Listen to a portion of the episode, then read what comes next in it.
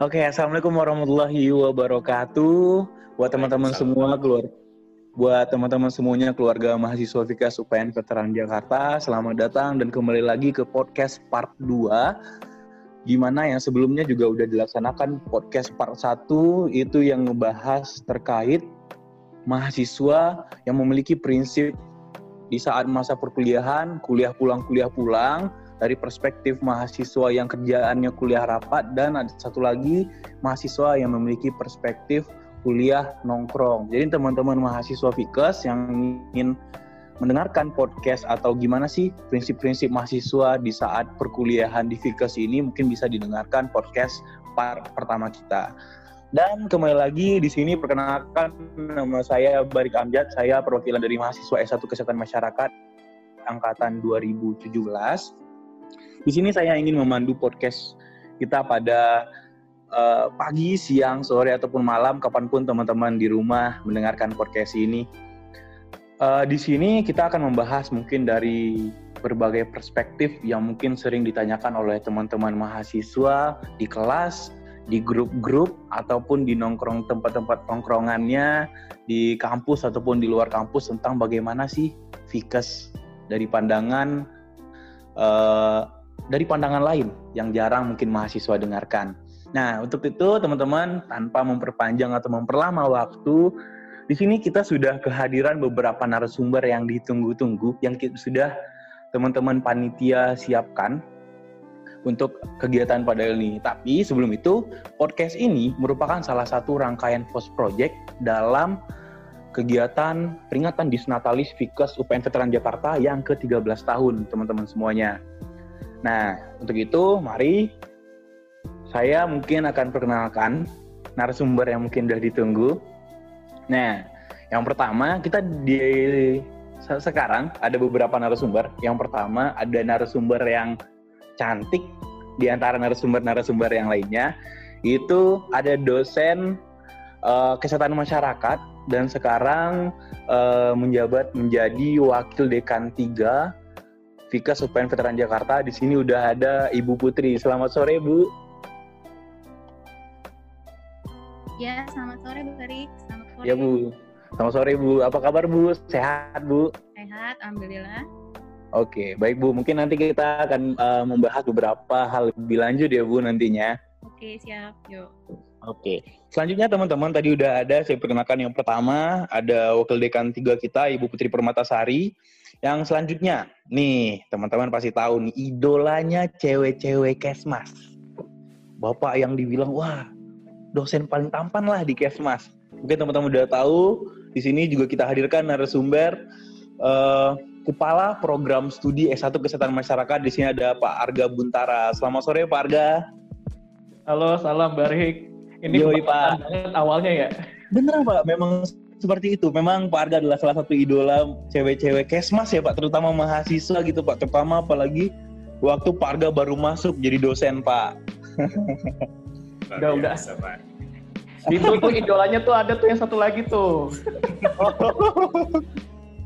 Banyak ya Pak, tapi salah satunya Pak Arga lah yang menjadi idola mahasiswa-mahasiswa kesmas. Ya, ya, ya. Nah, itu udah dua narasumber kita dan narasumber terakhir yang kita hadirkan gak kalah tampan juga. Kalau kata cewek-cewek di Fikes, ini adalah idola semua kalangan mahasiswa di Fikes.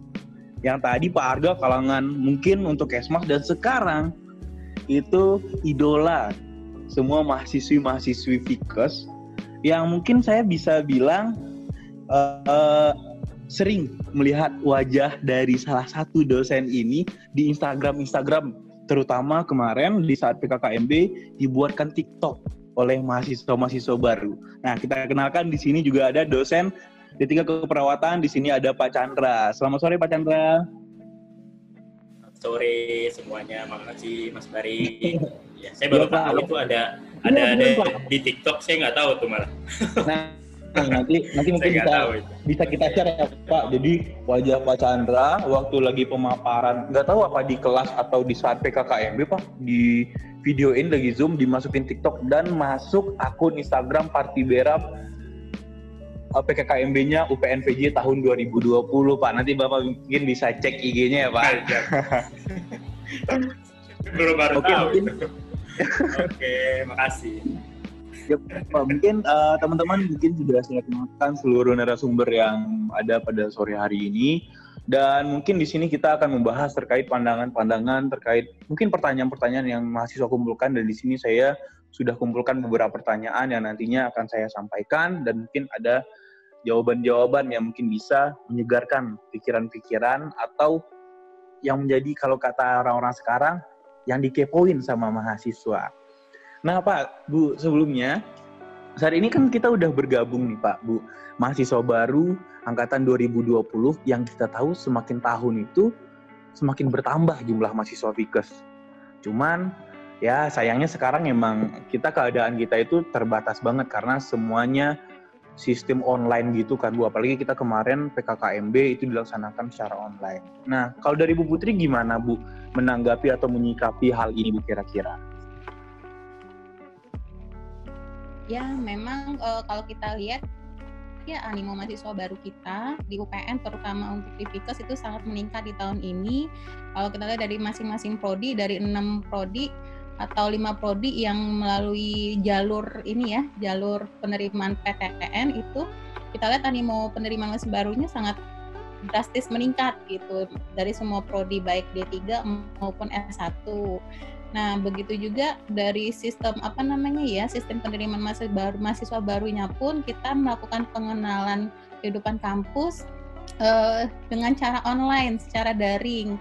Nah, itu memang ada apa ya, ada baiknya, ada ininya juga, ada kurangnya juga gitu ya. Mungkin Barik bisa merasakan seperti itu ya. Eh, kalau kita bandingkan PKKMB yang saat dulu itu dilakukan secara offline dan harus datang pagi-pagi semua mahasiswa baru dan kakak-kakak ininya, kakak-kakak pendampingnya. Nah, sekarang kita semuanya berbasis online gitu ya. Nah, itu memang eh, apa namanya itu ya yang kekurangan yang saya rasakan ketika ada event penerimaan mahasiswa baru tahun ini yaitu karena semuanya tidak bisa dilakukan secara langsung gitu ya Barik ya. Hmm, iya sih Bu, bener bener juga merasakan kalau ya sebenarnya kekurangannya karena nggak nggak bisa datang ke kampus ya Bu. Iya, Cuman ya, nggak berasa kita gitu. Iya Bu, bener-bener nggak berasa. Paling cuma online yang bangun pagi, on cam, cuci muka doang ya Bu, terus langsung Di ikut Zoom. terus setengah hari gitu ya. Iya, Kalau Bu, bener. misalnya langsung kita ikutan panas-panasan, kipas-kipasan di lapangan. Iya bener, apalagi mereka juga dengan metode online ini sebenarnya kan jenuh juga ya Bu. Empat hari mereka PKKMB, dua hari di UNIF, dua hari di fakultas ini kan membuat mereka jenuh juga ya Bu di depan laptop. Cuman ya baik lagi ya Bu, tergantung kita menyikapinya aja ya Bu sebenarnya. Ada plus minus dari setiap kekurangan dan kelebihan yang kita lalui ya Bu. Betul, yang penting tujuan kita tercapai dan tersampaikan kepada mahasiswa baru itu saja sih menurut saya ini. Iya Bu, benar. Itu poin penting ya Bu Hmm. di untuk mahasiswa baru yang penting tujuannya itu tercapai dan bisa dirasakan oleh mahasiswa baru. Cuman eh, di sini ada beberapa hal yang menarik juga nih Pak Bu. Di saat kita PKKMB kemarin banyak tingkah-tingkah laku mahasiswa-mahasiswa yang sedikit eh, bisa dikatakan aneh ya Bu. Cuman ya baik lagi mungkin ini mahasiswa baru dan off online juga yang nggak bisa kita tahan, kita bendung lah eh, sikap-sikap mereka di saat proses online gini. Nah, mungkin Barik mungkin pengen nanya nih dari sudut pandang Pak Arga gimana Pak melihat animo mahasiswa baru yang online dan cara mereka menyikapi dengan online misal seperti pemberian komentar ataupun mungkin Pak Arga merasakan di Kesmas terutama ada keluhan-keluhan dari mahasiswa baru yang sedikit mungkin yang menjengkelkan atau ah kenapa seperti ini sih gitu. Nah kira-kira gimana Pak? Apa Pak merasakan hal itu nggak Pak? Ini pas susah bener pertanyaannya. Gimana ini? Oke, baik. Ini berarti tentang apa namanya? Saya mau membuat kalimat yang biar bisa diterima sama semua orang dulu ya. Saya pikir ya kita sama-sama tahu ya karena mungkin akar masalahnya pada saat hari kemarin kan memang masalah teknis. Saya pikir kita udah membahas itu semua. Ya, tapi terlepas dari itu ini kan berarti fokus pelajarannya Mas Bari kan terkait dengan antusiasme sebenarnya. Ya, saya saya melihat Bener Pak. saya melihat karena memang saya sudah eh, aktif di dunia pendidikan kan cukup lama dan melihatlah kecenderungan dari beberapa angkatan ya. Dari setiap angkatan, sorry, dari setiap angkatan. Saya pikir memang kelebihan kita dengan akses teknologi yang sudah bisa dipegang oleh setiap individu ya, terutama kan anak-anak muda sekarang. Jadi menerima, menerima arus dan juga menyampaikan komunikasi pun jadi lebih cepat. Dan bahkan kadang-kadang tidak ada filternya gitu ya, memang tidak ada. Ya, kalau misalnya kita bicara misalnya secara langsung nih, ada ada Mas Barik ketemu dengan saya langsung, pasti kan saya ada oh ini ada mahasiswa Kesmas namanya Barik, saya ingin menyampaikan seperti ini. Saya pasti berpikir dengan cara menyampaikannya. Gitu. Saya pikir Mas Barik juga begitu kan ya, kalau misalnya ya, bertemu pasti, dengan dosen, oke okay, saya Barik, saya masih Sokesma, saya ingin berbicara dengan misalnya Bu Putri atau Pak Arga atau Pak Chandra gitu kan. Saya harus menyampaikan seperti ini. Jadi seperti kalau bertemu langsung memang ada seperti filternya, ada kehati-hatian dan itu terprogram langsung di dalam uh, benak setiap kita gitu. Nah mungkin kan memang karena tadi ya faktor dari orang banyak, dari masa yang banyak dipertemukan dengan waktu yang sebentar dan juga secara maya gitu ya. Filter itu hilang. Jadi tertumpahlah semua apa yang di dalam benak teman-teman mahasiswa baru. Meskipun itu saya saya yang perlu saya apresiasi adalah kejujuran ya.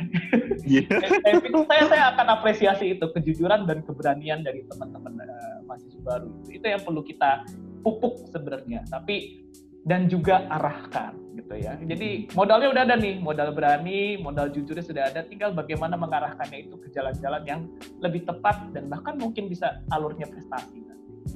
Saya pikir itu menarik, uh, Mas Baik. Itu aja. Cuman ya, yang penting ya masih itulah Pak memang kekurangannya seperti yang disampaikan Bu Putih tadi ya Pak. Kekurangannya adalah kita susah untuk kontrol. Cuman baik lagi memang itulah kendala kita di offline eh, di, online seperti ini ya Pak. Cuman baik lagi mungkin buat teman-teman yang mendengarkan podcast ini seluruh mahasiswa baik lagi usahakan ada eh, norma-norma yang dijaga ketika berhubungan mungkin dengan dosen ya Pak. Takutnya ini kebiasaan SMA itu terbawa ke kebiasaan kampus yang mungkin sedikit lepas tapi biasanya di saat SMA sih lebih bisa diatur ya Pak maksudnya pasti lebih diarahkan oleh guru. Cuman ini pesan juga yang bisa kita ambil dari yang penyampaian Pak Arga. Kalau untuk teman-teman mahasiswa baru itu lebih dijaga hal-hal yang sekiranya itu menyimpang. Kira-kira seperti itu ya Pak. Ya, oke. Okay. Menyampaikan sesuatu ada caranya dan ada waktu yang tepat. Iya, iya Pak benar. Luar biasa juga, ya. iya Pak dan Pak benar benar. Kita juga merasakan kita juga merasakan di Zoom kemarin gak Pak gimana komentar-komentar dan nggak bisa kita bendung cuman ya mungkin itu yang harus kita arahkan ya Pak benar. Nah, buat Pak Chandra nih Pak. Iya, oke. Okay. Mungkin uh, gimana ada pengalaman nggak? Mungkin mahasiswa-mahasiswa, terutama mahasiswa baru ya Pak kita konteksnya. Yeah. Uh-huh. Yang komen seperti itu gitu Pak. Wah, Pak Chandra nih uh, mungkin ya bahasanya, wah Pak Chandra kita punya dosen yang ganteng atau tampan gitu kan Pak? Atau di saat Zoom ada tingkah-tingkah aneh nggak Pak selama kuliah? Terutama mungkin oh, mahasiswa okay. baru atau mungkin Bapak punya cerita dengan mahasiswa-mahasiswa tingkat atas gitu ya Pak? Sebetulnya oke, okay. boleh saya jawab nih ya? Silakan Pak. Silakan. sedikit. Jadi sebetulnya uh, baik offline maupun online ya uh, hal-hal itu sering terjadi ya. Tetapi kan yang namanya kita sebagai uh, profesi sebagai dosen pastinya ya kita harus bersikap profesional gitu ya. Jadi menanggapi hal-hal tersebut ya seperti biasa karena saya pun juga pernah kuliah kan gitu. Jadi menanggapi hal-hal seperti itu udah biasa sekali gitu. Jadi menurut saya no problem asal, asalkan tadi uh, yang uh, disampaikan oleh Pak Arga tetap uh, dijaga nilai-nilai uh, dan norma-norma yang berlaku. Jadi sehingga dalam apa dalam perkuliahan juga uh, baik-baik saja gitu ya. Tetapi banyak hal-hal yang menurut saya menarik ya. Eh, kejadiannya kemarin sih sebetulnya. Kejadiannya kemarin. Iya. Cuman ini uh, saya bilang uh, kurang baik juga saya belum bisa uh, apa menjudge itu kurang baik gitu ya. Tetapi mungkin ini ini bisa disampaikan ya supaya tidak terjadi kepada mahasiswa yang lain gitu ya. Di mana saat uh, apa uh, saat kuliah pada saat online ya dia lupa me, me, apa namanya me unmute ya sehingga suaranya terdengar tidak terdengar saya sendiri gitu kan. Uh, bahwa saya minta tolong untuk uh, dibuka camnya on on cam gitu karena ini uh, terkait dengan pada saat uh, apa perkuliahan kita juga harus melihat kan apakah dia mendengarkan atau enggak tetapi ada suatu apa omongan yang tidak enak sebetulnya gitu. Tapi saya menanggapi uh, ya ini hal biasa, tetapi tetap saya uh, apa berikan uh, masukan pada mahasiswa untuk lebih dewasa karena kan ini udah uh, apa levelnya udah berbeda ya, bukan level SMA lagi gitu ya. Tapi levelnya adalah level uh, apa uh, mahasiswa gitu. Jadi lebih attitude-nya ya lebih, lebih dijaga. Itu aja sih sebetulnya. Banyak sih sebetulnya maupun di offline juga banyak sekali hal-hal itu terjadi. Tetapi ya tetap uh, apa menanggapinya ya lebih dewasa lah. Nggak harus marah-marah tetapi harus diberikan uh, masukan gitu. Sehingga dapat berevaluasi diri mahasiswanya sendiri gitu. Berarti kalau dia evaluasi diri berarti uh, mahasiswanya udah bersikap, uh, bersikap dewasa. gitu mas baik iya tapi pasti sih pak. Tapi ya balik lagi ya pak. Mahasiswa itu juga harus mengerti dan paham. Terkadang oh. mahasiswa itu harus dengan cara yang berbeda mungkin mas memberikan pemahaman ya pak. Terkadang untuk mahasiswa-mahasiswa yang seperti itu pak. Betul betul. Ya. apalagi ya mayoritas kita memang cewek semua ya pak bu. Hmm. jadi memang uh, mungkin obrolan-obrolannya seperti uh, gitu ya bu. Mungkin ya karena jarang cowok ya bu di fakultas kita pak. Jadi mungkin ya, ya betul. ada kewajaran juga untuk di situ. Bahkan sama sih pak bu sebenarnya. Mungkin kalau bu Putri kan uh, dengan perempuan ya bu. Bahkan juga mahasiswa-mahasiswa mungkin lebih ngomong kalau tentang bu Putri wah kita ke bu Putri aja lah Putri pasti baik, pasti di Bu Putri orang welcome. Kita kalau ngurus sesuatu kita nanya ke Bu Putri aja. Nah banyak juga yang kayak gitu dan itu mungkin untuk Bu Putri, tapi untuk Pak Arga dan Pak Chandra ya lebih hal-hal yang seperti itu ya Pak menjadi idola para mahasiswi-mahasiswi Fikes. Oke, seperti itu Mas. Nah Pak Bu, hmm. iya Pak. Uh, mungkin kita ada ada hal yang sebenarnya menjadi pertanyaan juga sih Pak, yang mungkin uh, mungkin dari Barik juga meminta Bapak dan Ibu memberikan pandangan juga terkait apa perspektif mahasiswa Pak Bu. Mungkin ada mahasiswa yang bilang gini, ah kita masuk kampus PN terpaksa karena nggak kepilih di kampus lain. Ah males lah kuliah di PN karena seperti ini, males kuliah di Vikas seperti ini. Sebenarnya kalau yang pandangan Barik ya Pak Bu, ini kan sebenarnya bukan tergantung instansinya, tapi tergantung kita menjadi mahasiswa itu harus seperti apa. Nah, ini kira-kira gimana ya Pak Bu untuk memberikan pemahaman untuk mahasiswa-mahasiswa, ini terutama mahasiswa baru yang ibarat kata ini baru lahir gitu, baru masuk Fikes, ini gimana ya Pak Bu pandangannya? Mungkin baru pengen mendengar dari sudut pandang Bu Putri gitu, gimana Bu kita menyinggapi hal seperti ini Bu?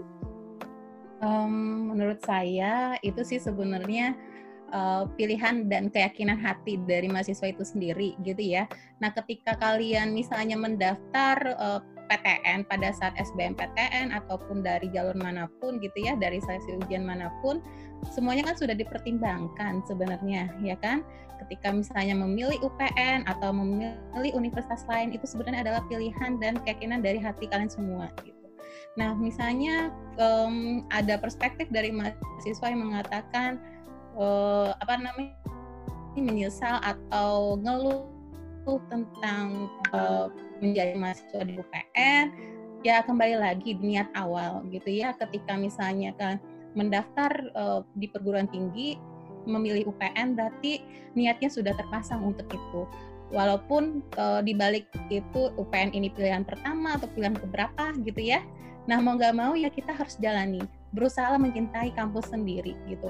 Walaupun memang masih mahasiswa baru ditambah lagi saat ini kita menjalani daring ya di mana ini apa namanya nuansa perkuliahan kampusnya kurang berasa tapi berusaha lah tapi uh, di balik itu juga kami dari kampus pun dari fakultas dari universitas berupaya sekali untuk memberikan apa namanya ya pembekalan kepada mahasiswa baru supaya mereka itu tahu uh, tentang kampus mereka, tahu tentang fakultas dan begitu juga dengan prodi mereka masing-masing seperti itu. Contohnya juga dari program-program Ormawa yang Mbak Rigia kita sama-sama tahu uh, semua Ormawa mengadakan program-program yang diperuntukkan khusus untuk adik mahasiswa barunya gitu ya supaya dengan harapan uh, adik-adiknya ini tahu akan alma maternya dan lama-lama juga akan memiliki rasa apa ya rasa terikat dengan kampusnya dan tidak ada rasa-rasa mengeluh atau menyesal dengan uh, pilihan mereka sendiri seperti itu. Mungkin itu saja sih pesan-pesan saya kepada adik-adik mahasiswa baru ya berusahalah untuk mencintai kampus sendiri gitu.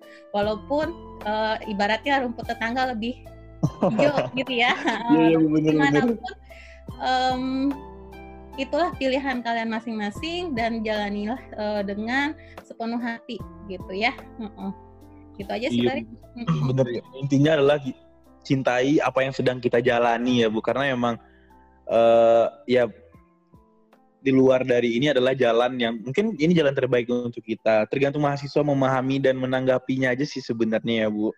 Iya, ya benar. Benar. Nah, kalau dari Pak Chandra gimana, Pak? Dalam iya. menyikapi hal-hal seperti itu, Pak. Mungkin Pak, Pak Chandra kan juga pernah jadi mahasiswa kan, Pak? Pastinya semua Bapak dan Ibu gitu gimana menanggapi hal itu, Pak?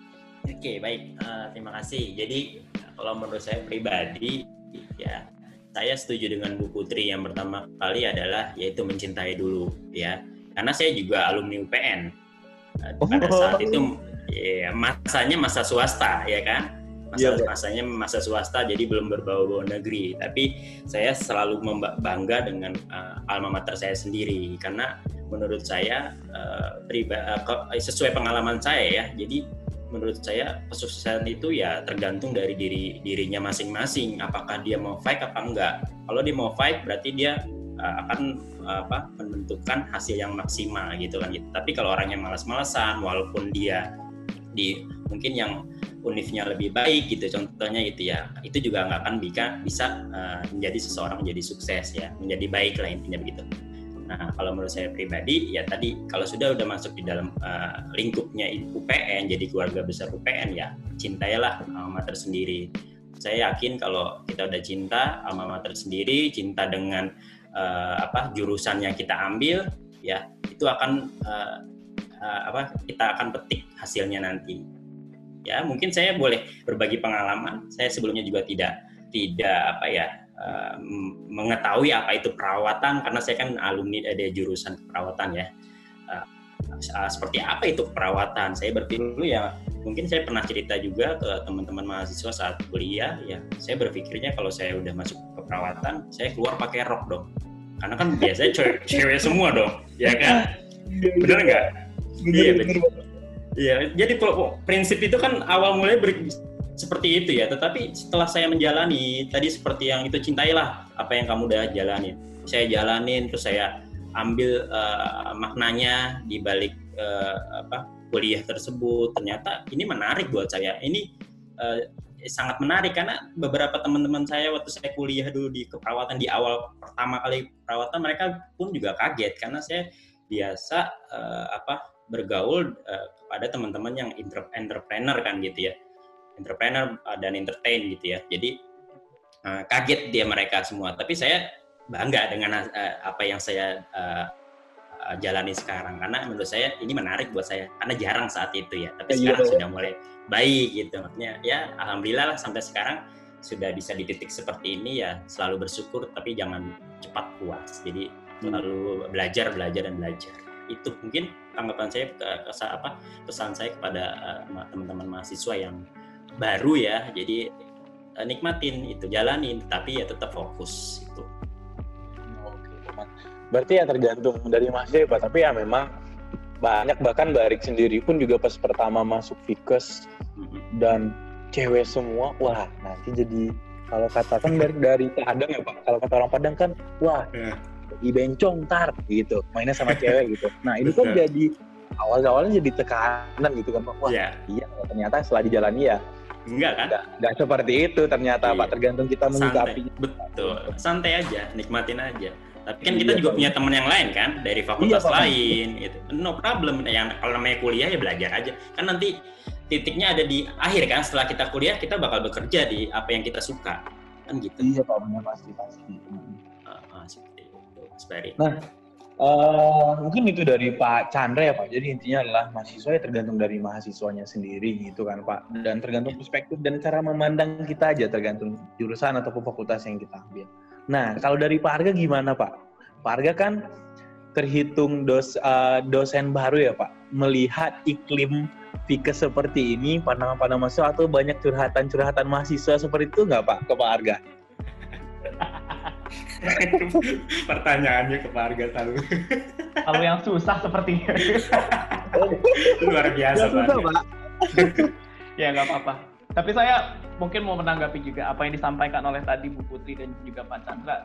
Saya Boleh, Pak. sepakat ya ada beberapa poin tuh. Misalnya tadi Bu Putri menekankan bahwa apa pun yang mungkin dirasakan oleh teman-teman maba ya. Tapi sebagai catatan ya karena maba ini pun juga kalau mau komen tentang UPN atau bahkan tentang Fikes pun sebenarnya belum valid. Kenapa? Karena mereka tidak bertemu langsung dengan Iya, baru ya Pak, baru. baru eh, kalau buat saya itu argumennya masih gampang untuk disanggah ya. Tapi mungkin kalau misalnya angkatannya barik angkatan apa yang di atas atasnya kan sudah bisa berkomentar lah. Tapi buat saya begini tadi yang kalau disampaikan Bu Putri pun saya juga sepakat. Apa pun keadaannya sekarang kita sama-sama tahu kita sama-sama susah ya terkait dengan pembelajaran lah terkait bahkan dengan dengan skripsi ya bahkan dengan apa praktek lapangan bahkan itu semua susah tapi satu hal yang perlu kami pastikan sebagai apa bagian dari universitas ini dan juga bagian dari fakultas bahwa solusi-solusi dan jalan-jalan tengah terbaik itu pasti akan selalu kami cari.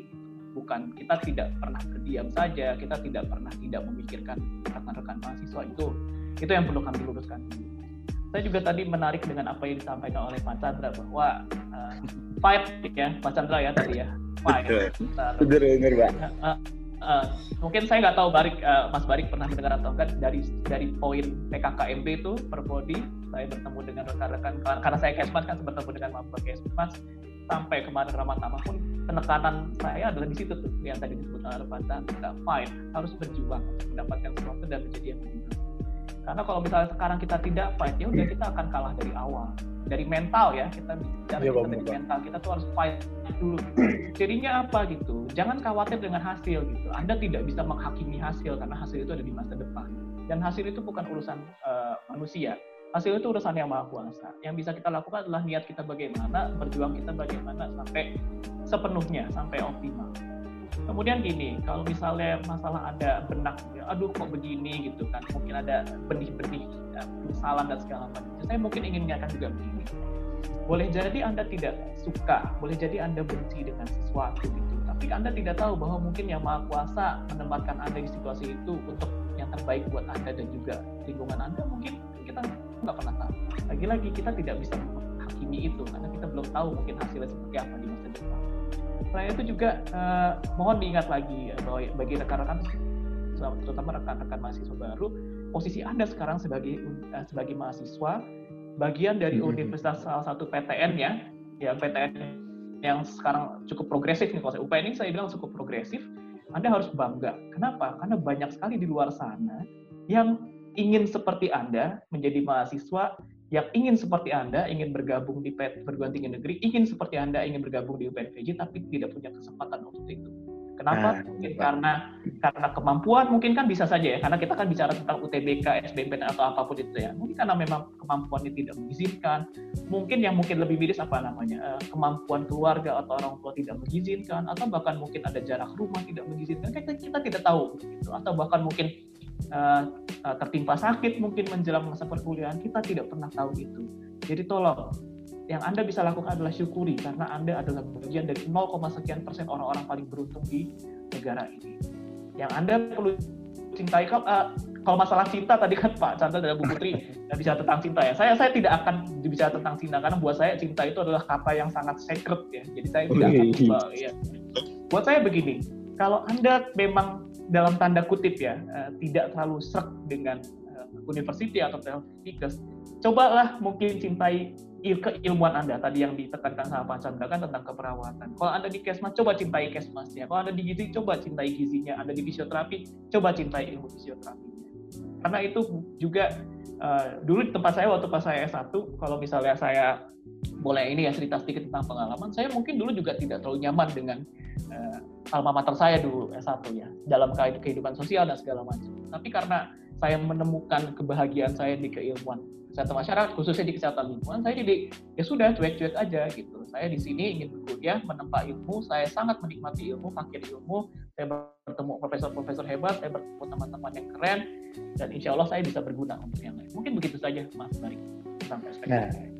Ya sih Pak, dan saya juga sedikit mengutip dari yang Bapak Argen dan Pak Chandra, baik Bun Bu Putri tadi, memang terkesan sekarang uh, yang menjadi problem mahasiswa sekarang adalah banyak mahasiswa yang kurang mensyukuri dan kurang fight untuk sesuatu yang mereka jalanin sih Pak. Dan ya mungkin Barik punya sudut pandang sendiri juga mungkin dari kalangan mahasiswa juga ya Pak. Dan ini bingung sih Pak. Ini permasalahannya apa dan gimana gitu Pak. Kadang atau kalau orang-orang sekarang bilang harapan nggak sesuai dengan realita, aduh ya udahlah, males. Kebanyakan mahasiswa seperti itu ya Pak. Dan menurut Baring juga nggak salah sih Pak, mahasiswa-mahasiswa seperti itu terkadang memang kan Barik kebetulan kan dari Sumatera ya Pak. Melihat ke sini kan memang penuh ya penuh tekad untuk ya bisa uh, explore diri lah, terutama mungkin di kesmas ataupun di kampus ataupun di tempat uh, baik mungkin di daerah uh, Jakarta ataupun di Limo ini gitu untuk berkembang tuh. Nah, mungkin hal-hal seperti ini yang kurang oleh oleh mahasiswa gitu Pak yang ber, ya karena memang kebanyakan mahasiswa UPN terutama Fikes ini kan rata-rata dari Jabodetabek ya Pak Bu. Jadi memang mungkin masih dengan orang tua. Hal-hal seperti ini mungkin juga menjadi kendala dalam mahasiswa dalam ya mungkin menjalani kehidupan kampus. Cuman baik lagi seperti yang Bapak Ibu sampaikan tadi buat teman-teman semua yang mendengarkan podcast ini baik lagi kita harus fight dengan apa yang kita jalani kita harus ikhlas dan kita harus bersyukur dalam apa yang sudah ada di depan mata kita. Berarti tinggal kita jalani aja sekarang. Nah Pak Bu mungkin kita udah bahas tentang mahasiswa-mahasiswa ya Pak Bu. Mungkin saya ingin uh, menanyakan terkait Bapak ataupun Ibu selama di Fikes mungkin mahasiswa-mahasiswa mungkin juga udah biasa sebenarnya ya Pak Bu. Mahasiswa merasakan ini merasakan itu. Nah jarang-jarang banget nih Pak Bu. Saya lihat Bap, uh, mungkin mahasiswa mendengarkan langsung dari Bapak dan Ibu. Gimana sih Pak Bu pandangan atau perasaan pertama kali Bapak dan Ibu itu uh, masuk ke Fikes itu gimana Pak Bu? Mungkin boleh dari Pak Chandra dulu Pak. Gimana Pak? Okay, sebagai dosen ya Pak, sebagai yeah. dosen bukan sebagai mahasiswa. Walaupun Pak Arga kan alumni dari UPN sendiri perawat juga, tapi Bapak sebagai dosen itu gimana Pak pandangannya Pak? Oke, baik. Terima kasih. Jadi uh, saya pun juga uh, saya alumni UPN kan gitu ya. Saya sebetulnya alumni UPN dan nggak sengaja, nggak bukan nggak sengaja sih sebetulnya. Tetapi ada panggilan kan, panggilan dari universitas untuk ikut bergabung. Tetapi sebelumnya saya setelah uh, selesai kuliah setelah lulus NER saya uh, bekerja di rumah sakit ya.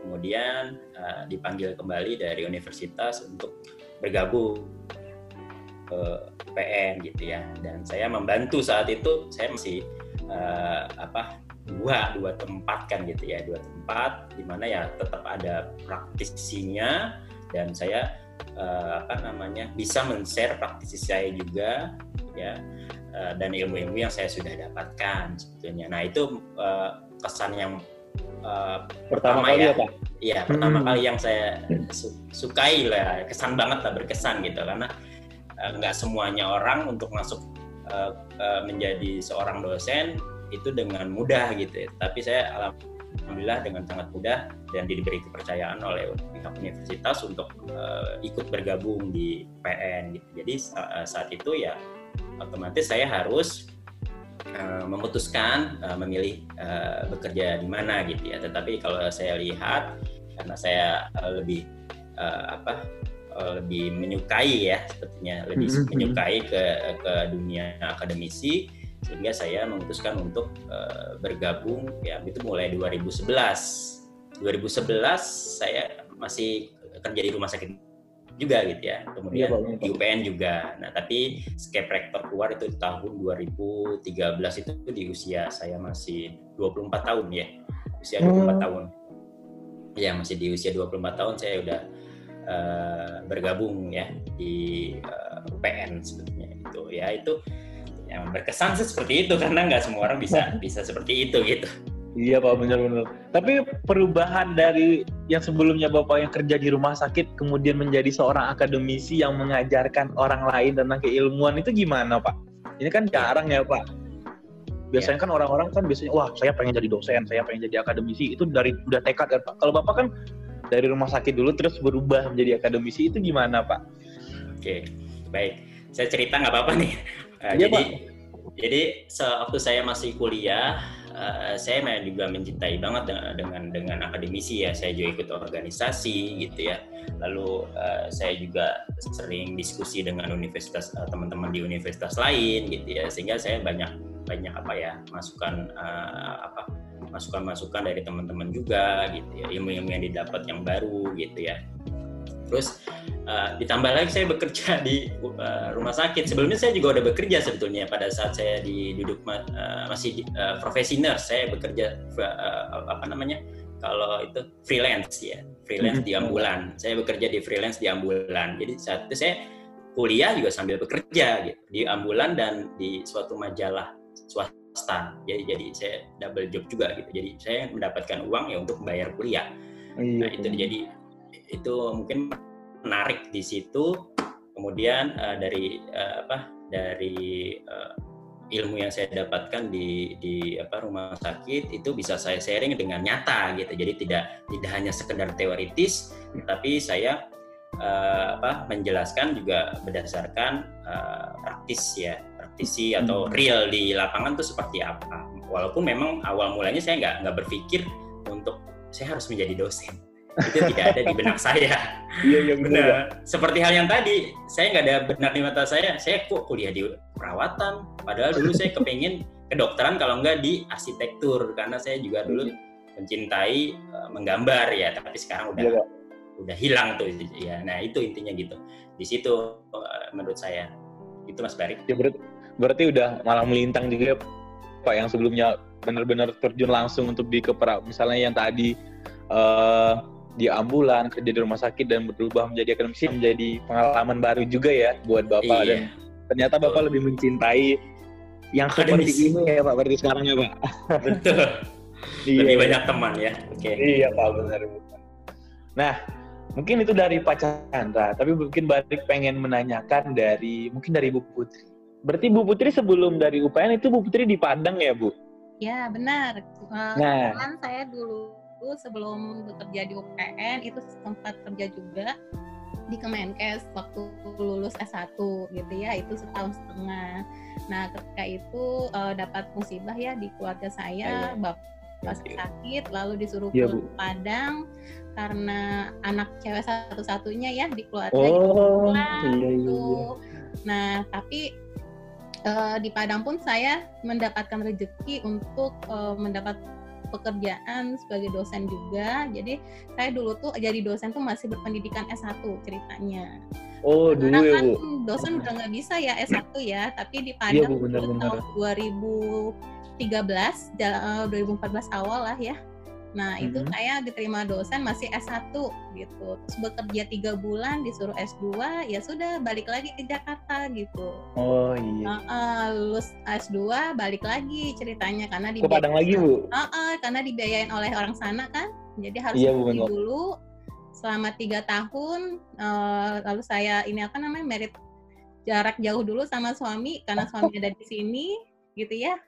Ya udah, ketika kontrak saya sudah habis di sana, masa pengabdian saya di sana, barulah saya berpindah ke UPN dari tahun Berarti Ibu masuk UPN 2016 Iya Bu? betul 2016 sampai sekarang Insya Allah mungkin selamanya kali ya sampai Amin amin.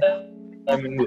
lagi. Tapi mungkin bertanyakan juga Bu, gimana sih Bu perbedaan antara maha, culture mahasiswa di Padang dan di Jakarta ini gimana sih Bu dari Padang Ibu sebagai dosen ya Bu? Oh, Yang paling ya. mencolok banget itu apa Bu? ya pastinya berbeda ya karena memang di institusi saya yang di Padang itu kan swasta gitu sekolah Oh. tinggi gitu ya di mana em, suasana akademiknya bisa dikatakan berbeda dengan suasana akademik ketika di UPN gitu ya yang notabene UPN ini adalah PTN gitu ya Nah, Hmm. mungkin kalau dari segi pembelajaran sih sama saja, namun eh, yang berbeda itu adalah dari segi input kali ya. Nah, di mana kalau dari swasta kan inputnya memang eh, tidak melalui ujian seleksi ya. Kalau misalnya dari ujian seleksi yang dari pemerintah gitu, TBK dan lain-lain. Tapi kalau di sini eh, melalui uji seleksi yang berbagai macam tersebut. Tapi kalau dari tipe mahasiswa sebenarnya sama saja gitu ya. Kalau mahasiswa itu ingin mencari sesuatu yang baru, di mana yang dulunya jadi siswa sekarang menjadi mahasiswa mahasiswa kayak menja- uh, mencari jati dirinya ketika sudah masuk ke bangku perkuliahan. Kalau itu mah sama aja mau di kampus mana pun gitu ya. Ya begitu Barik. Hmm, iya sih Bu. Saya Emang ya, berarti 2016 Ibu di baru masuk ke eh, di Kesmas UPN ya Bu berarti setelah dari Padang. Hmm, oke. Ya, udah bolak-balik ya Bu dari Kemenkes ke Padang, Padang ke Jakarta kuliah, balik Oh, lagi ke ya, Padang, ya. Padang balik lagi ke Jakarta ya Bu. Iya balik. Luar biasa Iya, Bu Putri. Itu motivasi Pak Bu untuk teman-teman mahasiswa jadi jangan hanya eh, nyaman di zonanya gitu. Kan kadang ada mahasiswa yang gini Bu, Ah, ah enggak lah, enggak mau jauh dari bapak, jauh dari ibu, ah. nggak mau jauh-jauh. Nah, sedangkan Bu Putri aja udah Jakarta, Padang bolak-balik itu bisa ya Bu. Jadi sebenarnya nggak ada mahali tergantung tekad dan niat ya Bu. Betul, seperti yang dibilang tadi bahwa kalau mahasiswa itu harus punya jiwa juang yang tinggi gitu ya, harus berani fighting dalam keadaan apa pun seperti itu. Ya Bu, itu mungkin teman-teman pandangan dari Bu Putri. Nah, terakhir nih dari Pak Arga. Kalau Pak Arga mungkin saya ingin menanyakan terkait eh, Bapak menjadi seorang mahasiswa. Mungkin Bapak bisa melihat perbedaan ya Pak antara mahasiswa di Indonesia dengan di Australia itu gimana Pak? Perbedaan yang antara mahasiswa-mahasiswa yang di Indonesia dan di Australia dan setelah Bapak balik dari Australia itu gimana sih Pak? Mungkin bisa diceritakan pengalaman itu Pak. Apalagi pas setelah masuk ke UPN ya Pak, balik dari Australia Pak.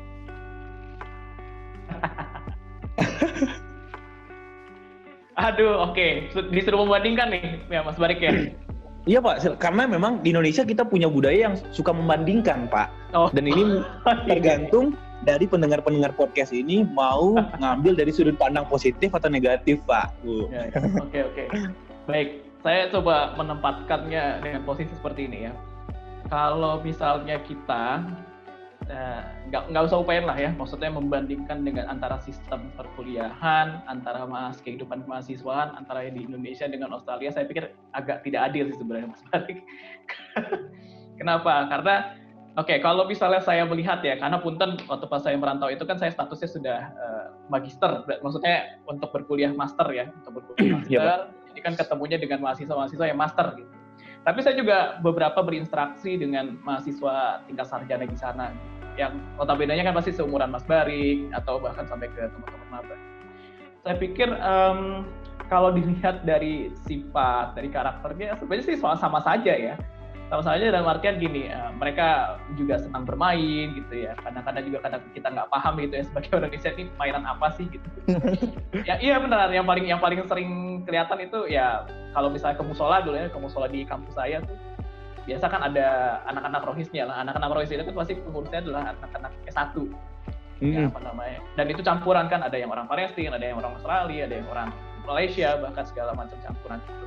Saya kadang-kadang mendengar apa pembicaraan mereka segala macam memang nggak paham ya. Maksudnya ya memang playful lah. Masih masih hura-huranya masih kelihatan gitu ya. Dan saya pikir dari- kalau dari sisi itu itu tidak jauh beda kan dengan teman-teman yang S1 di Indonesia gitu. Mahasiswanya bahwa ya kita having fun gitu kan. Ayo kita main-main yang penting seneng dan segala macam masih gitu ya. Tapi memang eh, kalau misalnya konteksnya di dalam kelas nah itu baru kita kelihatan ada ada ada perbedaan juga secara kualitas akademik. Dalam artian begini mungkin saya juga pernah menyebut ya di beberapa kali kelas atau mungkin di kelas Mas Barik dulu juga pernah saya sebutkan bahwa eh, salah satu yang paling membedakan itu adalah keberanian mereka di dalam kelas untuk berargumen dan argumennya pun harus di ini ya ditopang dengan landasan yang jelas gitu ya. Kenapa Anda seperti itu? Jadi bukan pertanyaannya misalnya eh, mengapa Fikes ad- apa di mana letak Fikes katakanlah misalnya pertanyaan gitu ya. misalnya begini, di mana letak Fikes gitu. Ya kita bisa jawab kan di Limo. Tapi nanti kalau misalnya kita di di Australia, pertanyaannya adalah kenapa harus di Limo? Kenapa tidak di yang lain? Nah, itu baru. Oh, beda kualitas pertanyaan ya Pak? pertanyaannya dan juga jawabannya. Jawabannya pun ar- artinya apa? Karena pertanyaan seperti itu kan dipacu terus untuk apa? Argumennya apa gitu? Harus ada rasionalnya di antara situ gitu. Itu yang sebenarnya eh, kalau saya pribadi kan memang itu misi pribadi saya untuk dibawa ke UPN bahwa kita nih mahasiswa harus bisa dicoba nih argumen-argumen sampai benar-benar nggak bisa diargumen lagi gitu ya saya pikir kan itu juga sering saya bagi ya ke teman-teman mahasiswa kesmas Jadi kalau misalnya dari persamaan atau gitu ya, persamaan ya sama-sama playful, sama-sama pengen masih hura-hura. Tapi perbedaannya mungkin pada saat di kelas aja gitu. Mereka jauh lebih berani. Karena kita juga tidak bisa menyalahkan karena itu uh, karena masalah sistem perbedaan perbedaan iya, sistem pendidikan juga kan. Kalau mereka di negara negara maju itu ya dari umur TK, umur SD juga sudah diajarkan berargumen dan menulis kritis. Kita kan tidak merasakan itu. Mungkin iya benar Berarti memang keberanian dalam berargumentasi itu benar-benar sebenarnya mahal ya Pak untuk mahasiswa-mahasiswa di Indonesia ya Pak. Berani sekalinya berani berargumentasi, cuman ya landasan argumentasinya terlalu kalau kata bahasa-bahasa kita cetek gitu kan Pak. Iya iya iya. Jadi dua lapis ya. Berani iya, Pak. ada, argumennya rasionalnya juga Iya benar benar. Ya, ya Indonesia ya, kalau saya lihat tuh beraninya sudah ada, tapi rasionalnya itu yang kadang-kadang belum ada. Terkadang etikanya juga kurang sih Pak. Nah itu Terkadang. lagi. nah, emang tapi baik lagi hal-hal seperti itu kan uh, juga diajarkan dari pendidikan pertama dari keluarga sebenarnya Betul juga kan Pak. Sepakat saya, saya sepakat. Benar benar Pak. Ya mungkin itu teman-teman uh, tahu juga mungkin dari gimana sih perbedaan mahasiswa dan ini jadi poin penting untuk mahasiswa ya bahwa menjadi mahasiswa itu harus berani menyampaikan argumen dan juga dengan landasan-landasan yang logis. Tapi jangan lupa dengan etika dalam menyampaikan argumennya. Jadi jangan hanya uh, kalau orang-orang sekarang kan kebanyakan gini Pak Bu, beraninya ngomong di belakang Pak Bu. Pas di depan ditanya gelagapan. Nah ini, ini kekurangan kita juga di sini nih Pak Bu, berani gosip-gosip. Cuman gosip-gosip di belakang tapi nggak berani ngomong langsung. Ini mungkin jadi catatan untuk mahasiswa, terutama mahasiswa baru lah jangan melihat sesuatu yang jelek mungkin dari kakak tingkat, tapi pelajari hal-hal baru yang dari pengalaman dari Bu Putri, dari Pak Chandra, dan mungkin uh, dari Pak Arga juga gitu. Nah, sekarang kan kita berada di lingkungan uh, Fikes ya Pak. Kita melihat uh, banyak mahasiswa-mahasiswa yang cukup berprestasi di Fikes, aktif dalam berkegiatan. Mungkin ini ranahnya Bu Putri ya, Bu, Bu, Bu melihat gimana mahasiswa-mahasiswa aktif, antusiasme mahasiswa juga ada untuk mengikuti sebuah kegiatan-kegiatan dan kebetulan juga disupport oleh pihak dekanat, pihak dosen yang untuk melaksanakan sebuah kegiatan-kegiatan yang bermanfaat untuk mahasiswa ini juga selalu disupport gitu kan Bu. Nah, mungkin dari Bu Putri gimana Bu? Uh, harapan ke depannya mungkin dari untuk mahasiswa ataupun untuk Fikes ke depannya Bu. Kira-kira gimana apa Bu harapan mungkin satu tahun ke depan atau lima tahun atau 10 tahun ke depan kita harapkan untuk kemajuan Fikes ini Bu? Oh iya, baik, baik. Uh, mungkin kalau ditanyakan harapan saya terkait dengan um, menciptakan atau melahirkan generasi Fikes yang berprestasi ini memang harapan saya sangat besar gitu ya karena memang uh, prestasi mahasiswa itu memang sangat mengambil peran penting di dalam jalannya suatu uh, proses yang dijalankan dari suatu universitas baik dari tingkat fakultas sampai dengan tingkat prodi gitu ya. Nah, memang uh, dari mahasiswa sendiri kalau saya lihat sekarang keinginan, minat, motivasi mahasiswa untuk um, semangat berkompetisi di luar sana itu sangat tinggi. Nah, di balik itu juga kita dari kampus pun, dari fakultas pun juga sangat mendukung apa pun kegiatan, apa pun perlombaan yang ingin diikuti oleh mahasiswa kami dukung 100% gitu ya. Nah, memang inilah yang saya sangat syukuri juga pada saat ini melihat um, antusiasme dari mahasiswa ketika misalnya ada info-info lomba, ada info-info kegiatan yang diberikan kepada yang di-share gitu ya ke seluruh mahasiswa lalu banyak yang ingin berpartisipasi gitu. Itu menggambarkan bahwa mahasiswa kita itu memang tidak kalah tidak kalah saingnya juga gitu ya dengan universitas-universitas universitas lain. Selain itu juga dengan melihat kinerja dari mahasiswa yang cukup bagus ini, ini juga akan mendukung kinerja dari prodi kita gitu ya. Ketika misalnya prodi lagi akreditasi, prestasi hmm. mahasiswa itu sangat sangat berperan penting gitu, sangat memberikan poin yang besar bagi akreditasi suatu prodi. Itu sudah uh, poin penting gitu. Jadi memang diharapkan mahasiswa ini tidak hanya berprestasi secara akademik, tapi juga secara non akademik dan semuanya diperhitungkan baik di tingkat lokal sampai dengan tingkat internasional. Ya itu harapan saya memang tahun setahun yang akan datang, lima tahun yang akan datang, atau sampai 10 tahun yang akan datang ya kata Barik tadi. Iya Bu. Ya itu um, semangat untuk berprestasi itu selalu harus ditingkatkan karena memang yang namanya mahasiswa itu adalah uh, saatnya kita berkarya, saatnya kita menciptakan prestasi demi nama baik alma mater kita. Begitu hmm, Barik.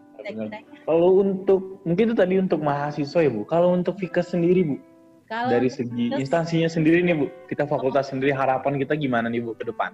Oh iya, harapan saya sih kalau dari untuk fakultas uh, untuk selalu memberi dukungan kepada mahasiswa dalam bentuk apa pun. Dukungan ini tidak hanya uh, secara material ya, tapi juga secara moral gitu. Nah, kami juga dari fakultas pun berupaya untuk ketika misalnya ada perlombaan, kegiatan uh, yang akan diikuti oleh mahasiswa kita untuk mengirim dosen pendamping. Tujuannya adalah untuk mendampingi mahasiswa-mahasiswa ini untuk mengikuti setiap perlombaan. Semoga dengan harapan memang menciptakan suatu prestasi gitu ya. Nah, dari fakultas pun kita juga concern terhadap kegiatan-kegiatan kemahasiswaan. Kita dukung setiap kegiatan kemahasiswaan, baik kegiatan di dalam kampus maupun di luar kampus gitu dari. Hmm, Oke Bu, semoga harapan untuk mahasiswa ataupun untuk fakultas itu benar-benar bisa terwujud. Jangan jangan untuk mahasiswa jangan sampai nunggu lima tahun ya Bu. Iya. Dari sekarang Dari harus langsung bergerak, ukir prestasi sebanyak-banyaknya dan eksplor diri temukan kalau kata orang sekarang kan jati diri ya Bu. Biar iya. menjadi mahasiswa itu seperti apa biar menghasilkan hard skill yang bagus dan soft skill juga berkembang di saat kuliah ini. Iya. Nah, kalau dari Pak Harga gimana Pak? Harapan terutama untuk uh, mahasiswa-mahasiswa baru deh Pak. Kalau untuk Pak Harga gimana Pak harapan untuk mahasiswa baru ke depan? Dan seperti tadi, harapan untuk Vikas, kemajuan Vikas ke depan bagaimana Pak? Oke, dua ya berarti ya untuk mahasiswa dan juga untuk uh, Baik, uh, saya harap Mas Barik, rekan-rekan mahasiswa, apalagi terutama rekan-rekan maba, jangan menyerah, jangan pernah menyerah untuk sesuatu apa pun itu ya, terus berjuang, terus berjuang, terus berjuang. Yang kedua adalah yang namanya mahasiswa itu cirinya sebenarnya simple. Yang namanya mahasiswa itu cirinya harus diskusi. Diskusi dengan siapa pun ya, diskusi dengan teman-teman angkatan, diskusi dengan kakak tingkatnya, diskusi dengan yang lain universitas, diskusi dengan masyarakat diskusi dengan dosen, diskusi dengan siapa. Itu yang membedakan mahasiswa dengan masyarakat umum. Emang kenapa harus diskusi? Ya diskusi itu berarti apa? Menyatukan ide, menemukan ide-ide baru, menemukan solusi dari permasalahan yang ada di sekitar kita. Itu yang perlu dipupuk, benar-benar dipupuk. Karena kita sama-sama tahu bahwa pemikir-pemikir bangsa ini, pendiri bangsa ini kan semuanya adalah orang-orang yang sering berdiskusi ya. Jadi itu yang bisa dicontoh ya semangat berpikir dan semangat diskusi itu yang maksudnya. Tentu diskusi itu harus membangun ya. Bercanda dikit-dikit ya tentu saja boleh ya, tidak perlu kaku-kaku juga. Tapi itu yang perlu ditekankan. Kemudian uh, tadi saya uh, terkait dengan prestasi juga saya menambahkan ya. Jadi uh, kalau sekarang sih kalau misalnya memang Anda mahasiswa baru dan mahasiswa yang lain yang memang punya kemampuan, punya minat terhadap bidang yang di luar akademik, silakan gitu, sampaikan saja gitu anda bisa menyampaikan ke himpunan, Anda bisa menyampaikan ke BEM, atau bahkan Anda bisa menyampaikan ke ya silakan saja gitu. Bapak, Ibu, saya punya kemampuan. Kemampuan apa? Kemampuan misalnya nyanyi gitu. Silakan, ayo kita cari lombanya. Bapak, Ibu, saya punya kemampuan untuk debat gitu. Ya silakan kita cari ajang dan ajang-ajang yang lainnya. Bapak, Ibu, saya minat untuk penulisan ilmiah. Langsung kita kirim. Kan itu lebih enaknya. Jadi jangan menunggu untuk dijemput, tetapi tunjukkan dirimu juga gitu. Dan itu bukan suatu kesombongan atau keangkuhan saya pikir ya. Itu adalah salah satu cara untuk kebahagiaan diri dan juga punya dampak positif untuk uh, orang lain ya, untuk prodi, untuk fakultas, untuk universitas. Kemudian untuk Pika saya pikir ya tentu kita tidak akan berbohong dan berdosa kalau misalnya pasti ada kelebihan dan kekurangan ya Nah, PR-nya ya, atau PR atau mungkin harapan saja lah. Harapan saya nanti Fikas akan menjadi tempat kelahiran dari para pemikir-pemikir muda. Amin, amin, Orang-orang yang prestatif, orang-orang yang bermanfaat. Bagi siapa? Bukan hanya diri sendiri, bukan hanya untuk keluarga, bukan hanya untuk masyarakat kita, tapi untuk dunia. Kenapa? Karena dunia di masa depan itu adalah tentang antar bangsa, bukan antara bukan tentang bangsa kita sendiri. Saya pikir begitu dan semoga memajukan ya dunia kesehatan ya karena kita sama-sama tahu kesehatan akan selalu punya eh, tantangan-tantangan yang besar dan baru ya seperti pandemi ini. Saya saya termasuk orang yang yakin pandemi ini bukan yang terakhir pasti akan ada lagi. Tapi kita harus siap mental itu sebagai orang kesehatan.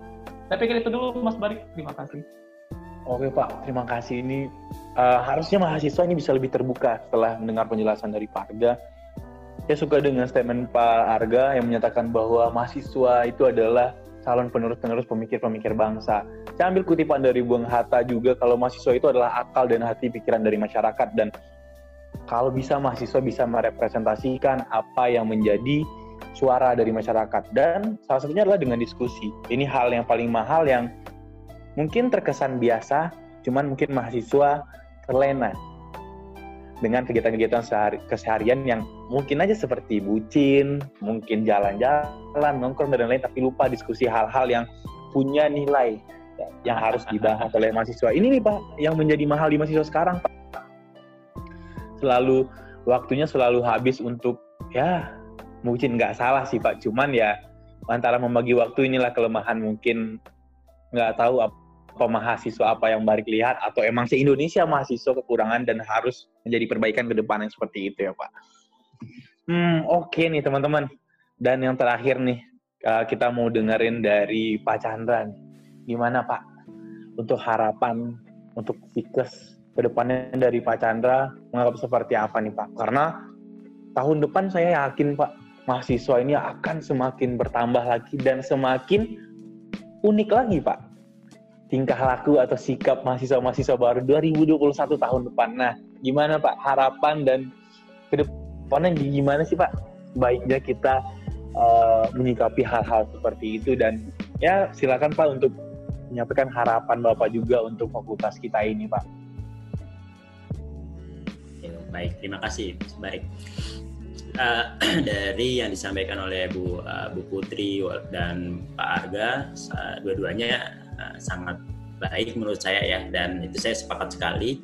Dan penting sekali harapan saya untuk uh, mahasiswa-mahasiswa uh, mungkin nggak hanya mahasiswa baru ya tetapi mahasiswa-mahasiswa yang mungkin yang akan menuju uh, apa namanya uh, dunia pekerjaan ya seperti itu. Jadi tetap uh, jangan pernah lelah. Harapan saya semakin baik lah intinya semakin baik. Tapi jangan pernah lelah untuk mendapatkan sesuatu Nah, jadi uh, bagi saya uh, uh, setiap mahasiswa uh, jangan uh, tidak cukup hanya per, apa kuliah saja, tetapi itu penting diskusi. Uh, tidak hanya diskusi sama teman aja ya, tetapi boleh diskusi ya dia kakak kelas kita maupun dari fakultas lain supaya kita mendapatkan sumber-sumber yang lain yang bis, yang mungkin sumber-sumber yang bukan uh, uh, disiplin lainnya, misalnya ilmu ilmu disiplin lainnya itu bisa menjadi ide untuk kita gitu seba di dunia kesehatan. Nah itu yang pertama dan jangan pernah uh, apa menghabiskan waktu wasting time lah pokoknya intinya tetap produktif ya tetap produktif tetap berkarya uh, dan uh, tetap uh, mendukung adik-adik kelasnya yang mungkin yang sebagai kelas ya tapi kalau yang ada di kelas ya tetap uh, ingin cari tahu gimana sih caranya untuk uh, apa berprestasi gitu. Carilah kakak kakak-kakak kelas kalian yang mungkin uh, lebih berprestasi. Cari ilmunya di situ.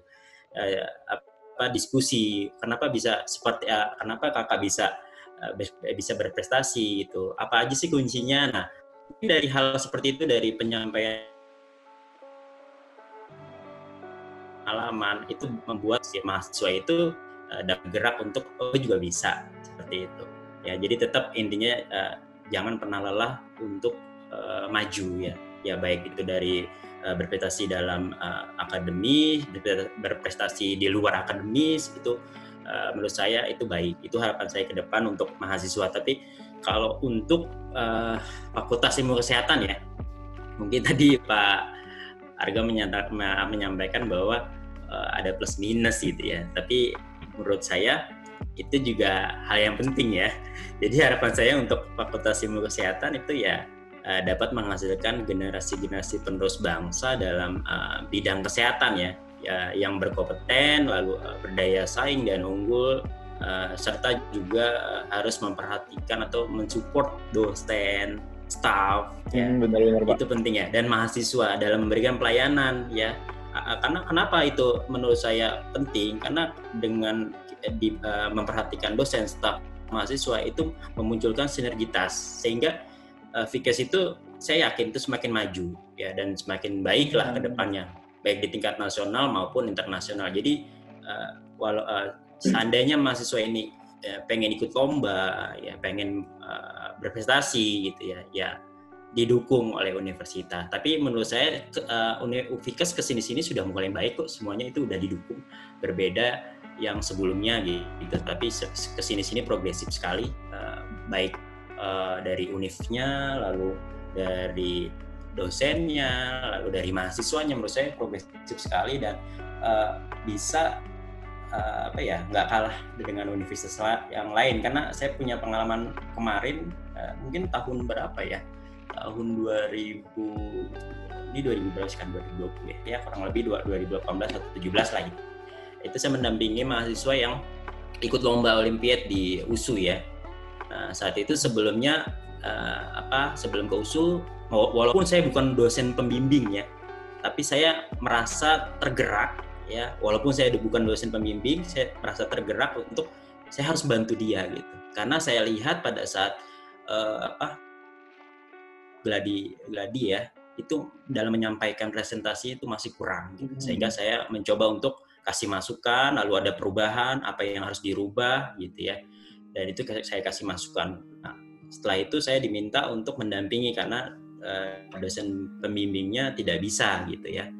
Akhirnya saya mendampingi ke sana nah, ke USU gitu ya. Dan itu menurut saya saya ter, apa ya terharu ya karena saya melihat dari beberapa universitas yang favorit gitu ya terus tiba-tiba uh, apa uh, melaksanakan lomba di situ dan banyak sekali yang menonton ya. Dan dia awal mulanya uh, apa ya rasa nggak yakin itu saya selalu mem, apa selalu tekankan yakin aja nggak usah nggak usah dibuat uh, tegang. Jadi santai aja menang kalah itu hal biasa yang penting udah berusaha.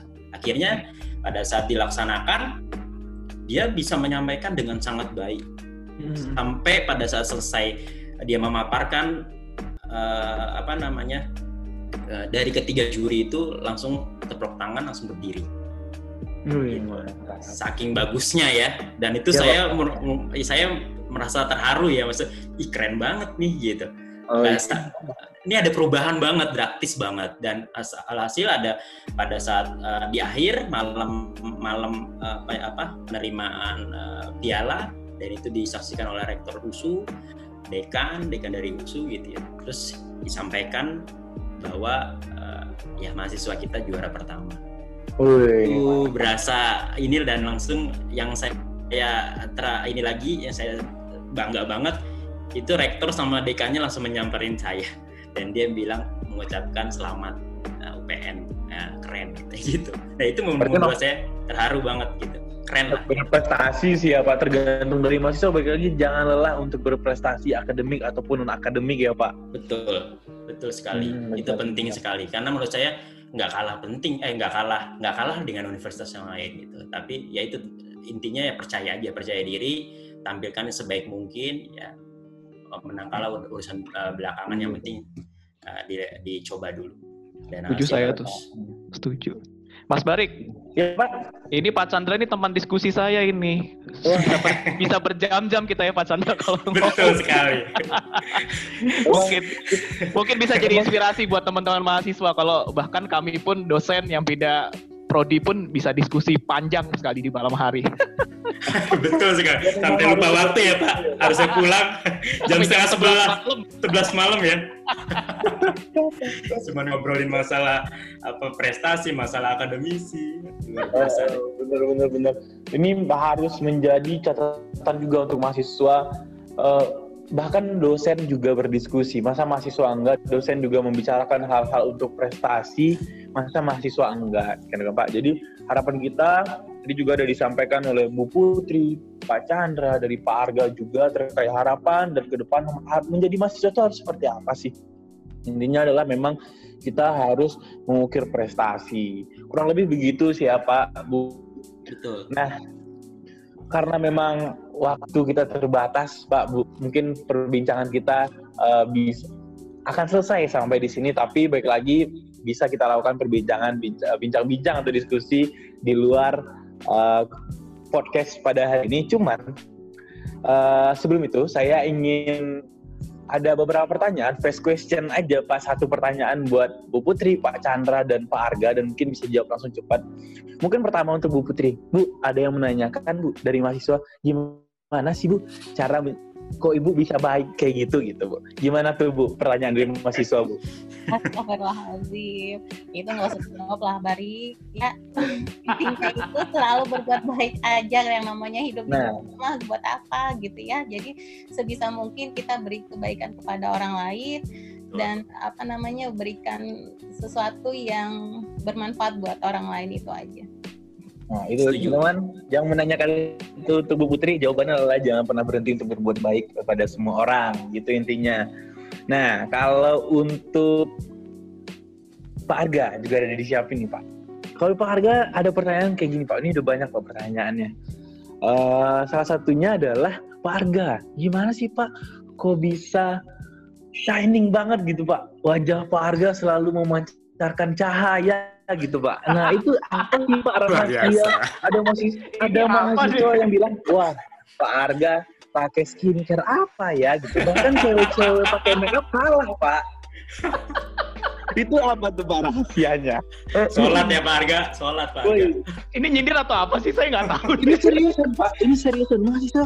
Bahkan pak cewek-cewek yang mahasiswa-mahasiswi yang pakai makeup pun kalah Pak. Dengan pancaran wajah kayak wajah bapak itu itu apa sih pak? Rahasianya pak? Biar mahasiswa mahasiswa itu mahasiswa tahu pak. Apa ya? Saya nggak tahu om. Saya nggak pakai apa-apaan kok. Tapi mungkin itu rahasianya. Saya tidak memakai make up. Itu dia. Nah nih mungkin ya pak. Untuk teman-teman mahasiswa atau mahasiswi rahasia Pak adalah tidak memakai make up. Jadi natural aja ya pak betul sekali betul betul.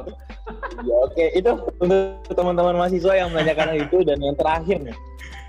Yang sering ditanyakan buat Pak Chandra sebenarnya di seluruh mungkin grup-grup cewek-cewek ya Pak.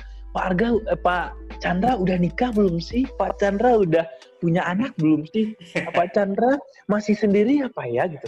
Bahkan banyak Pak. Itu gimana Pak? Silahkan dijawab Pak. Oke. okay. Ya betul ya saya uh, menikah dua tanggal uh, usia 29 tahun, sekarang 33 tahun ya.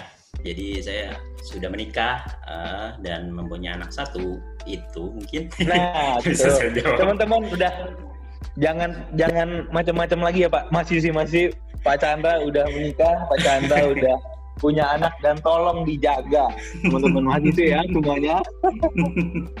mungkin itu sih Pak uh, first question satu pertanyaan sebenarnya banyak yang ingin ditanyakan juga cuma karena keterbatasan waktu. Terima kasih Pak Bu waktu yeah. yang telah disediakan.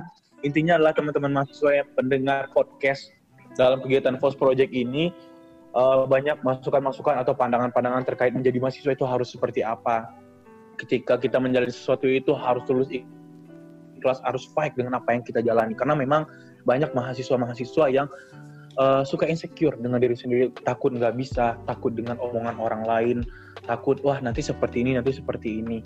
Karena teman-teman pesan dari saya mungkin di akhir ini sebagai pemandu, uh, dunia itu pasti berubah dan kita harus melakukan perubahan itu sendiri karena sifatnya inherent teman-teman semuanya. Dan buat teman-teman mungkin udah pernah saya sampaikan juga di lain waktu, cuman di sini saya tekankan lagi untuk seluruh mahasiswa di Vikas Pemerintah Jakarta, baik mahasiswa baru ataupun masih udah lama, jangan pernah bersusah payah untuk menjadi seperti yang orang minta agar kita punya banyak teman dan disukai oleh banyak orang. Dan jangan pernah takut berbeda dari orang lain, sekalipun perbedaan tersebut membuat kita dibenci oleh lingkungan kita sendiri. Teguhlah pada pendirian dan jadilah diri sendiri untuk mencapai cita-cita yang kita harapkan. Bahkan, seorang nabi pun hidup di tengah lingkungan berbeda dan dibenci oleh kaumnya. Tapi dia tetap tegak menegakkan kebenaran. Dan pada akhirnya, semua akan tersadar bahwa kebenaran itu datang bukan hanya dari kesamaan, namun melainkan bisa datang dari sesuatu atau dari arah yang berbeda. Itu teman-teman, terima kasih untuk teman-teman semuanya yang udah mendengarkan podcast part 2 ini dan terima kasih sekali lagi buat Bu Putri, Pak Chandra dan Pak Arga. Terima kasih ya Pak Bu. Yo, sama. Ya, sama-sama Mas Bari. Terima kasih. Ya, terima kasih Pak Bu. Dan mungkin teman-teman uh, stay tune terus. Selanjutnya ada part 3 podcast yang mungkin akan membahas terkait pandangan juga dari Ketua Himpunan Angkatan 2015 yang sekarang udah kerja dan nanti teman-teman bisa mendengarkan setelah mendengarkan podcast ini dan mendengarkan podcast part pertama. Baiklah, saya tutup. Saya mohon undur diri, mohon maaf atas kesalahan dan uh, ucapan yang saya sampaikan. Uh, pamit undur diri, saya balik Amjad dari S1 Kesehatan Masyarakat UPN Veteran Jakarta. Saya tutup dengan Assalamualaikum warahmatullahi wabarakatuh. Waalaikumsalam warahmatullahi wabarakatuh. Terima kasih teman-teman. Terima kasih teman-teman semua.